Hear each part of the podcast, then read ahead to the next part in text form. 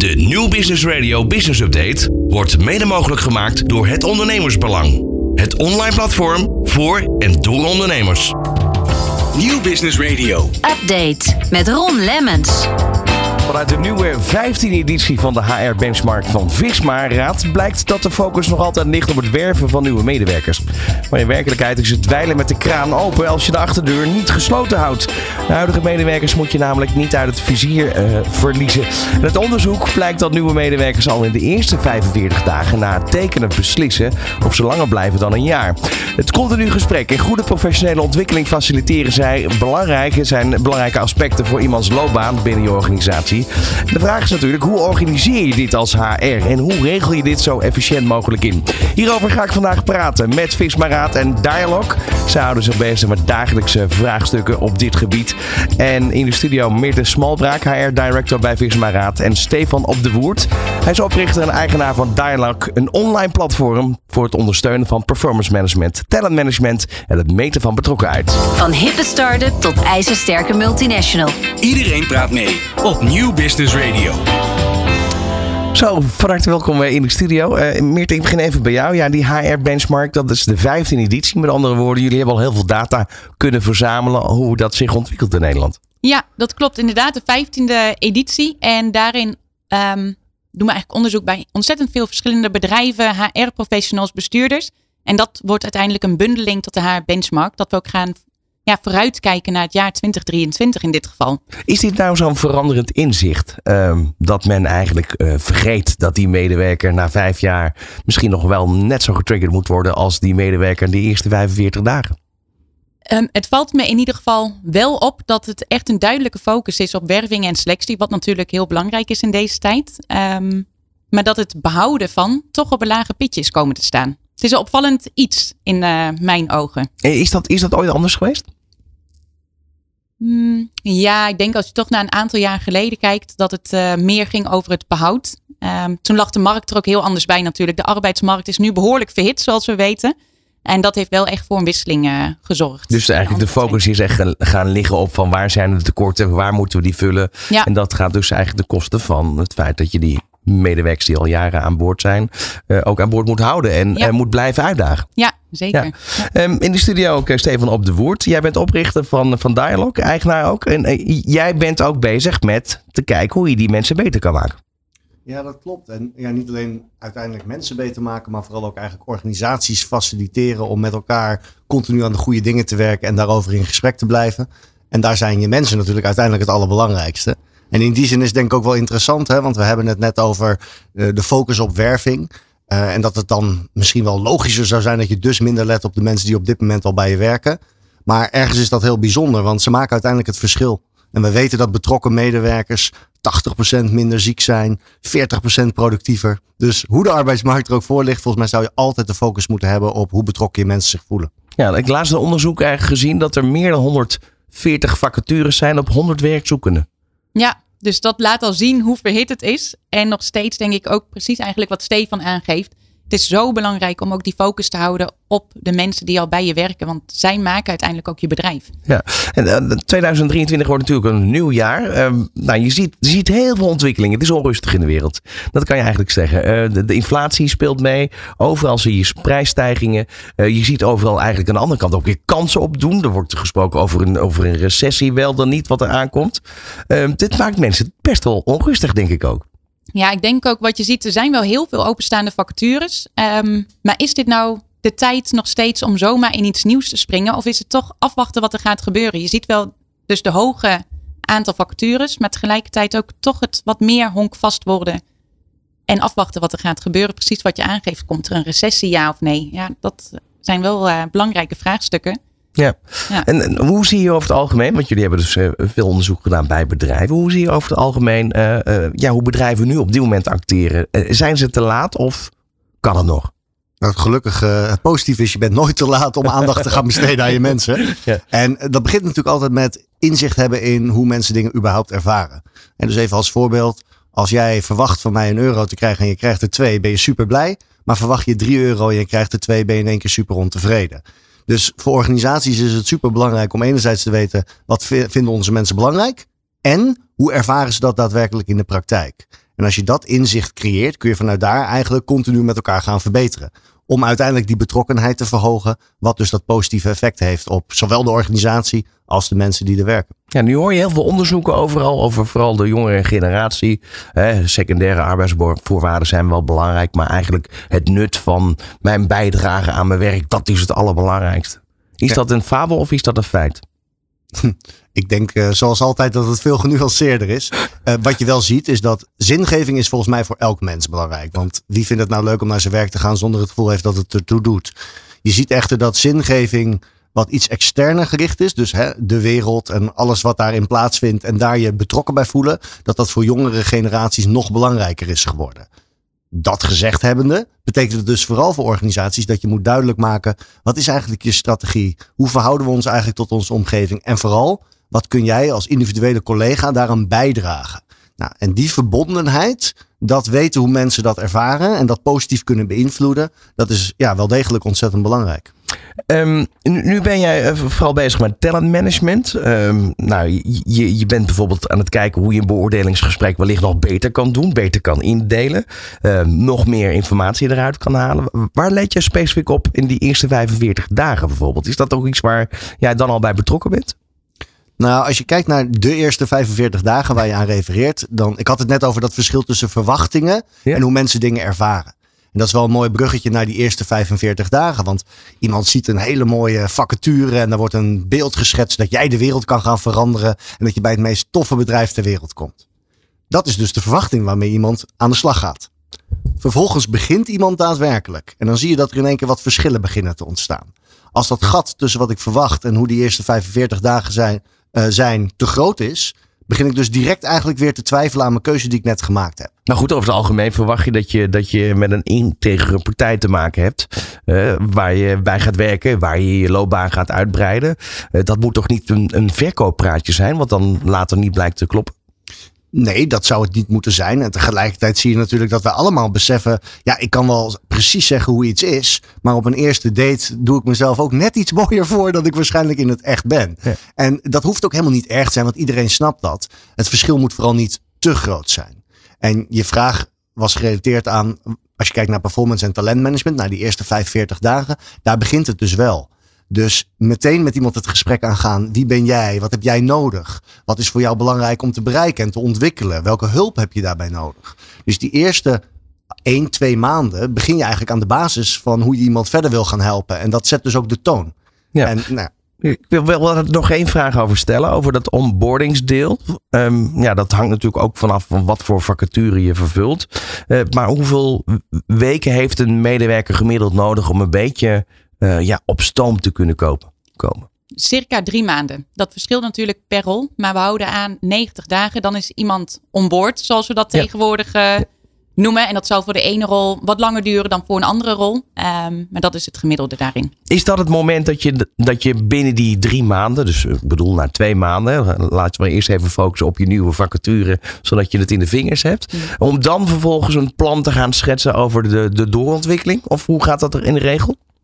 Nou, wat wel belangrijk is om na te kijken. Kijk, we gaan ervan uit dat als je ergens binnenkomt, dat je eerst lekker op je plek zit eh, in je huidige functie. Eh, maar denk wel na van, hé, wat valt me nou eigenlijk op aan deze functie? Waar kan ik echt mijn toegevoegde waarde gaan leveren? En hoe verhoudt zich dat tot het team? Wat zijn de verwachtingen die ik zelf heb? Wat zijn de verwachtingen die mijn leidinggevenden hebben? En daarin continu in gesprek te zijn met elkaar. En wat, wat is dan gemiddeld? Uh, over een aantal keren per jaar dat zo'n gesprek plaatsvindt? Stefan? Ja, ik denk dat dat een van de valkuilen is die we klassiek maakten. En dan ging de vraag over, moet je twee of drie keer per jaar een formeel gesprek hebben? De focus ligt natuurlijk nu steeds meer op wat we noemen dan hè, de continue dialoog, het continue gesprek. En de gedachte daarachter is, je wil niet een, iets formaliseren wat niet geformaliseerd hoeft te worden. Je wil niet twee keer een vinkje kunnen zetten achter een formulier. Nee, je wil met iemand continu het gesprek voeren. Als je kijkt naar performance management, maar ook naar talentmanagement en engagement, het gaat allemaal over hetzelfde. Namelijk het maximale uit je mensen halen om daarmee uiteindelijk de doelen van de organisatie te realiseren. Dat kun je dus niet terugbrengen naar twee momentjes en krijg je er wel of niet een paar euro bij. En want dat is eigenlijk een soort gevolg van dat je met elkaar steeds het goede gesprek voert. Dus wat je wil doen is niet zeggen, nou na 45 dagen nu heb je je baan en nu gaan we eens een plan maken. Nee, we gaan vanaf het begin met elkaar kijken wat voor jou belangrijk is, wat je nodig hebt. En, en daar komt hij, je zult mensen wel moeten faciliteren. Dus wat je natuurlijk vaak ziet is dat we dit qua beleidsstukken misschien nog wel op orde hebben. Hebben we het zelfs hernoemd en heet het in één keer het goede gesprek. Maar ja, als je mensen niet aan het helpen bent om daar invulling aan te geven. Dus eigenlijk zeg jij, geef ze houvast. En dat, dat kan je op verschillende manieren doen. Ja, of handvatten. Dat klinkt Ja. misschien nog mooier. Geef mensen eigenaarschap moet je ook faciliteren. Alleen maar roepen, het is aan jou. Dat is eigenlijk codetaal voor ik flikker het over de schutting en hoop dat er zomaar iets gaat gebeuren. Maar dat is natuurlijk niet waar. Dus uiteindelijk gaat het erom dat je als organisatie mensen faciliteert. Nou ja, en zo, nou, Meert en ik geloven er allebei in dat technologie is natuurlijk een heel mooi hulpmiddel om mensen te faciliteren. Nooit een doel op zich. Nee, maar, maar goed, je, je doelt ook denk ik met name op digitaliseren van bepaalde zaken. Eigenlijk de, de, formele dingen, de moetjes. Waardoor de ruimte overblijft om andere dingen beter te ontplooien. Zeg Ja. dat goed zo? Hoe makkelijk je, eh, je alles maakt, des te meer tijd heb je over om eh, echt het goede gesprek aan te gaan. En als je denkt, ja, we gaan het gesprek aan, maar ik moet daarvoor honderd stappen doorlopen. Ja, niemand heeft daar dan per se zin in. Nee. Dus hoe makkelijker je die drempel maakt, hoe, eh, hoe lager, hoe beter dat gesprek gaat. Ja. Nu, schrijven we iets verderop. Hè. Nou, nu hebben we dat onboardingsproces even achter de rug. Ehm, en dan, dan zit je bijvoorbeeld, dan ben je twee jaar ben je aan het werk bij een bedrijf. En op een bepaald moment, dan kan ik me ook voorstellen dat er een moment komt van ja, hij kan het wel, eh, of zij. Eh, laat het zien dat het goed gaat. Moeten we nog wel drie keer met elkaar om tafel per jaar? Is dat de valkuil waar veel bedrijven instappen? Nou, hier hoor ik al iets dat ik denk, drie keer per jaar om tafel. Waarom? Hier staat ook 75% van de medewerkers vinden het prima om één of twee keer per jaar het erover te hebben. Maar volgens mij heb je het gaandeweg altijd over je ontwikkeling. Hoe is dit project gegaan? Heb je iets nodig? Ehm, loopt het goed? Waar kan ik je op coachen? Dus de drie keer is denk ik al eigenlijk achterhaald, omdat je het continu aan het eh, bespreken bent. En zo kan iemand zichzelf ook ontplooien. Nu pakken we nog een andere dimensie erbij. Er is een tekort aan, vacatures. Ehm, dus dat, dat, dat weten we. Er, er komt een last op medewerkers. Extra last, want het werk moet wel gedaan worden. Ehm, wa- wat, wat kan je daarmee doen eh, in, in het geval van wa- wat jullie te bieden hebben als eh, dialoog? Ja, de vraag wat wij bieden, ik denk dat het eerder is, wat hebben organisaties nodig? En daar kunnen wij een deel van faciliteren. En dus werkdruk is natuurlijk een woord wat je overal hoort en iedereen ervaart werkdruk. Het punt is, werkdruk hoeft helemaal niet erg te zijn. Sterker nog, met een bepaalde mate van werkdruk. Dat kan leuk zijn, toch? Kan maar- leuk maar- maar zijn. Ik bedoel, hem ook niet negatief, maar meer Nee. in de zin van. Ehm, je hebt dus als bedrijf de neiging inderdaad, en dat, dat is eigenlijk wat we in het begin al zeiden, van er is een tekort aan vacatures, dus we focussen ons al aan het vervullen van die nieuwe vacatures aan de voorkant. En ondertussen zijn er heel veel medewerkers met heel veel werkdruk. En die laten we gewoon eigenlijk met rust, die laten we het werk doen, want dat moet gedaan worden. Met andere woorden, er is geen ruimte meer om even uit de dagelijkse eh, bezigheden te stappen. Om even stil te staan bij van wat zijn we eigenlijk aan het doen. Ik denk dat het ehm, per sector ook afhankelijk is. Dus eigenlijk is het een heel positief iets dat een organisatie actief aan het werven is. Want dat betekent dat ze de eh, ervaringen van medewerkers serieus nemen. Dat er op dit moment werkdruk wordt ervaren. Want we gaan op zoek naar nieuwe collega's. Dus dat zie ik als iets heel positiefs. Ehm, de vraag is natuurlijk vooral, wat maakt dat mensen bepaalde dingen ervaren? En is dat overal wel hetzelfde? Dus wat je klassiek zag, hè, dan gingen we eens in de twee jaar een medewerkersonderzoek doen. Of een nog erger medewerkerstevredenheidsonderzoek.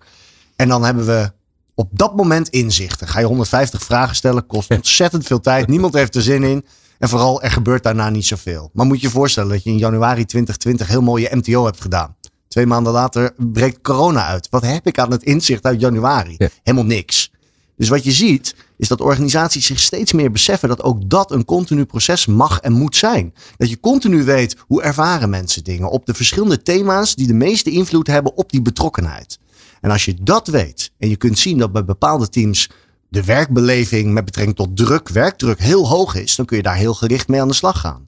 Als je weet dat deze groep medewerkers ontzettend enthousiast is, terwijl een andere eigenlijk helemaal geen promotor is van het bedrijf, en dan kun je daar heel gericht het gesprek over aangaan. En, misschien ook wel belangrijk, ook leidinggevenden verantwoordelijk maken voor de betrokkenheid binnen hun teams. Hè, klassiek worden ze alleen maar aangestuurd op omzet, productiviteit. Maar als je met elkaar gelooft dat de betrokkenheid van mensen het verschil maakt, ja, zorg er dan voor dat dat het continue gesprek met je leidinggevende ook is. Is er voldoende eh, bekend überhaupt bij leidinggevende werknemers over wat er voor mogelijkheden zijn op het gebied van ontwikkeling? Nou, dat is een goede vraag. Ik denk dat er in organisaties heel veel gebeurt op dat gebied.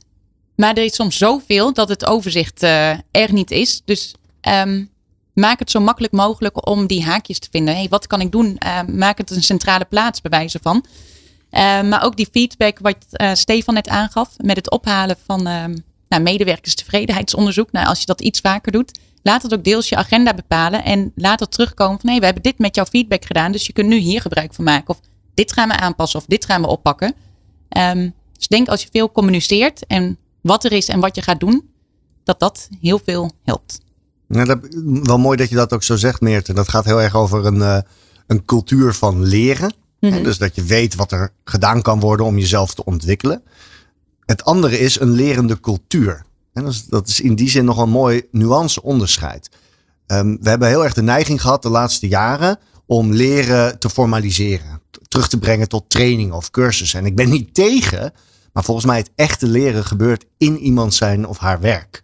En uiteindelijk als organisatie daar aandacht aan besteden en mensen de ruimte geven om binnen dat werk dingen te kunnen ontdekken en te leren, creëert dus, dat weten we, veel meer een gevoel van betrokkenheid dan zeggen, nou hier heb jij 3000 euro en hier heb je een LMS waar je trainingen kunt boeken. Nogmaals, ik ben niet tegen, maar dat heeft veel minder impact op dat gevoel van betrokkenheid dan als je de ruimte krijgt van mensen om binnen je eigen vak en je baan te leren. Dus eigenlijk moet je eh, op een of andere manier proberen de medewerker intrinsiek te prikkelen en dan pas uh, doorontwikkelen ik geloof dat intrinsieke motivatie een hele belangrijke is. En doorontwikkeling is in die zin natuurlijk ook geen doel op zich. Als een collega ontzettend blij is met het werk wat hij of zij doet, omdat dat een bepaalde balans teweeg brengt in de privésfeer, dan kan dat hartstikke oké zijn. En dus doorgroei is geen doel aan zich, maar voor degenen die wel die behoefte hebben, is het denk ik heel mooi om daar aandacht aan te besteden. En dan dus vooral binnen die context van het eigen werk en dat faciliteren. Zijn dat nu hele andere inzichten dan de afgelopen jaren, Meerte? Maar hele andere inzichten misschien niet. Ik denk wel dat het is uh, verschoven van nou ja, uh, klassikale trainingen bijvoorbeeld. Dat soort zaken. Dat het veel meer gaat naar online. Er is zoveel ja. te vinden. Het hoeft niet altijd in een face-to-face setting. Um, of een klassikale training. Het kan ook online kan heel veel te vinden zijn. Tooling die je daarvoor kunt gebruiken. Dat je ondersteunt met die handvatten om dan het gesprek aan te gaan. En wat wel veranderd is, denk ik eigenlijk, is dat um, medewerkers moeten de regie wel nemen, wat Stefan ook op het begin gaf, maar het is wel een relatie. Um, thuis uh, denk je ook niet, nou, uh, ik doe er alles voor en als de ander er niks voor doet, dan uh, vind ik het helemaal prima. Dus geef die handvatten en dat het echt een samenwerking daarin is. Dat is wel een verandering. Heb je nog tips tot slot, Stefan? Ja, ik denk dat ik elke organisatie het gun dat ze heel serieus weten wat hun mensen belangrijk vinden. En dat het tegenwoordig ook helemaal niet meer ingewikkeld hoeft te zijn om dat beeld heel scherp te hebben, zodat je praktisch aan de slag kan. Dus elke organisatie die nu nog of helemaal niks doet, of eens in de twee jaar een klassiek MTO, zou ik echt willen stimuleren om eens te onderzoeken wat het ze zou kunnen opleveren en hun mensen zou kunnen opleveren als ze veel uh, structureler en regelmatiger gaan sturen op die betrokkenheid. Meerte? Ja, ik kan me daar alleen maar helemaal bij aansluiten. Continu feedback ophalen en daar ook daadwerkelijk iets mee doen, dat gaat verschil maken. Ja, in, in ieder geval uh, de focus blijven houden, ook op die medewerkers die al langer aan boord zijn. Zeker. Ja. Dank jullie wel voor de komst naar de studio. Uh, in de studio waren Stefan op de Woord, Managing Director bij Dialog en Mirte Smalbraak, HR Director bij Visma Raad. Van hippe start-up tot ijzersterke multinational. Iedereen praat mee op Nieuw Business Radio.